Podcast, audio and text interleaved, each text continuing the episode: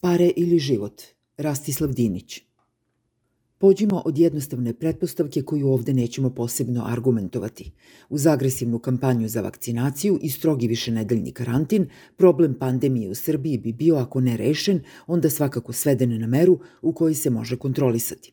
Zdravstveni sistem bi bio rasterećen, ogroman broj života spasen, a funkcionisanje društva bi moglo da počne da se vraća ukoliko toliko normalne tokove – Argumentacija za ovu tvrdnju se može naći kod onih koji su za ove probleme stručni, a iskustvo država koje su problemu pandemije pristupile upravo na ovaj način takođe joj govore u prilog. Zašto onda već nismo usred agresivne kampanje za vakcinaciju i strogog karantina? Jedina mogućnost bi bila da vakcina nema dovoljno, ali po svoj prilici to nije slučaj. Vakcina ima više nego dovoljno za sve prijavljene i preko toga, a dodatne zalihe stižu svakodnevno. Kada je u pitanju karantin, tu nikakva posebna sredstva i nisu neophodna. U pitanju je dakle nešto drugo. Šta? Uprkos svojoj moći da kontroliše medije i institucije, aktuelni režim je suštinski nemoćan, kako pred sobstvenim klijentima i kapitalom, čiji profit mora da servisira, tako i pred biračkim telom koje je prethodno sam preparirao ubitačnim koktelom konspirologije i čistih laži. Sprovođenje strogog karantina dovelo bi režim u sukob sa njegovim finansijerima, kao i sa građanima kojima ne namerava da pokrije gubitke zbog nemogućnosti poslovanja. Jasna i odlučna kampanja za vakcinaciju pretila bi da antagonizuje delove biračkog tela u kojem je pre nabavke cepiva sasvim planski i smišljeno raspirivana Nestorovićevska sumnja u vakcine. Antirežimska javnost je, s druge strane, sluđena i ne uspeva da prepozna gde režim zaista stoji i šta zaista zastupa. Neredko otpor se pruža, kako se pokazalo, potpuno nepostojećoj pretnji policijskog časa – Ne samo da režim nije spreman da ponovo uvede policijski čas, on nije spreman da sprovodi ni mere minimalnog zatvaranja koje je uveo preko volje i pod jakim pritiskom lekara i takozvanog medicinskog dela kriznog štaba. Između javnog zdravlja i ekonomije režim je jasno izabrao ovo drugo, a građanima više puta sasvim eksplicitno saopštio da odgovornost čuvanja od pandemije leži samo na njima samima. Paternalistička figura državne moći oličena u Predragu Konu, lekaru, potpukovniku i članu kriznog štaba, izvučena je u prvi plan u trenutku kada je režimu bilo neophodno da se zarad dolazećih izbora pandemija zaista drži pod kontrolom.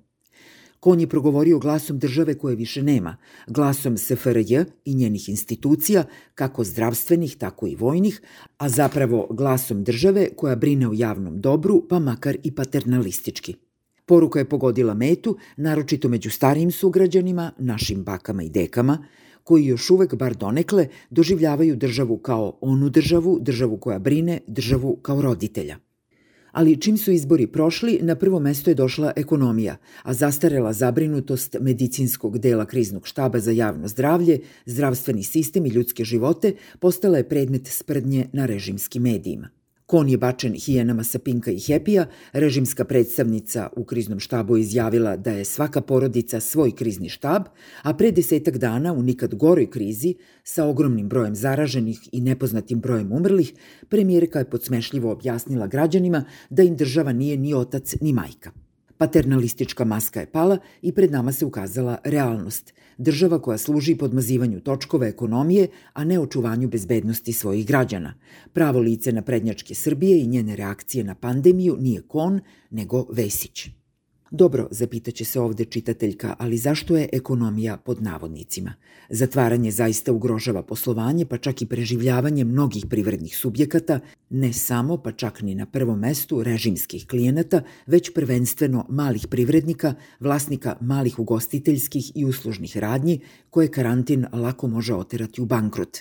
Pitanje je razumno, ali su ponuđeni odgovori nerazumni. Šta je bolje – raditi uprkos opasnosti od zaraze ili sačuvati zdravlje po cenu ostanka bez posla. Šta je strašnije, završiti u bolnici sa obostranim zapaljenjem pluća ili na ulici bez dinara u džepu? Šta je bezosećajnije, zaraziti svoje stare roditelje ili zatvoriti svoje depresivno dete u kuću? Šta je gore, umreti od korone ili od gladi? Ponašanje virusa nije u našoj moći, ono je takvo kakvo je i svojom prirodom postavlja i neumoljive uslove borbe protiv pandemije. Ono što jeste u našoj moći je da pravedno, solidarno i humano rasporedimo terete i rizike borbe protiv pandemije, kao i resurse koji nam stoje na raspolaganju. Međutim, u društvu u kojem je put kao ovome e, drugom trajno i uporno zatvoren, već toliko dugo zapravo da i sama ta mogućnost nestaje iz kolektivne svesti, na raspolaganju ostaje samo tvrdoglavo i beskompromisno jurišanje na tvrde činjenice. Već pomalo otrca na misao da je lakše zamisliti kraj sveta nego kraj kapitalizma, danas bi se mogla parafrazirati ovako. Lakše je zamisliti da korona ne postoji, da je pandemija izmišljena, da iza nje stoje Iluminati, Bill Gates, farmakomafija, nego da društvo može biti uređeno tako da nas ne tera da biramo između zdravlja i sastavljanja kraja s krajem, između osnovnih protiv pandemijskih mera i osnovnih životnih potreba. Otuda i kolo oko Stefana Nemanje i spremnost inače razumnih ljudi da se povedu za konspirolozima i ciničnim prodavcima magle. Kako je već na samom početku pandemije primetio Nikola Zdravković, borba protiv teorija zavere ne može se voditi samo naukom, argumentima ili činjenicama. I ona zahteva i da se pronađu novi načini za kolektivno delanje, da se uspostavi ekonomija koja će zaista raditi za zajedničko dobro, a ne za profit malobrojne elite. Jedini odgovor na pitanje pare ili život koje nam postavlja pljačkaški režim jeste da odbacimo sam ovaj izbor. I pare i život, naravno, jer bez para nema života, a bez života pare nemaju nikakvog smisla. Da zaključimo, karantin i vakcinacija su neophodni i za njih se treba beskompromisno zalagati. Ono što nije neophodno jeste da zbog karantina propadnu ljudski životi, poslovi, porodice. Ovo nije izbor između zdravlja i ekonomije, već izbor između ekonomije koja radi samo za profit najbogatijih i ekonomije koja će raditi za zajedničko dobro.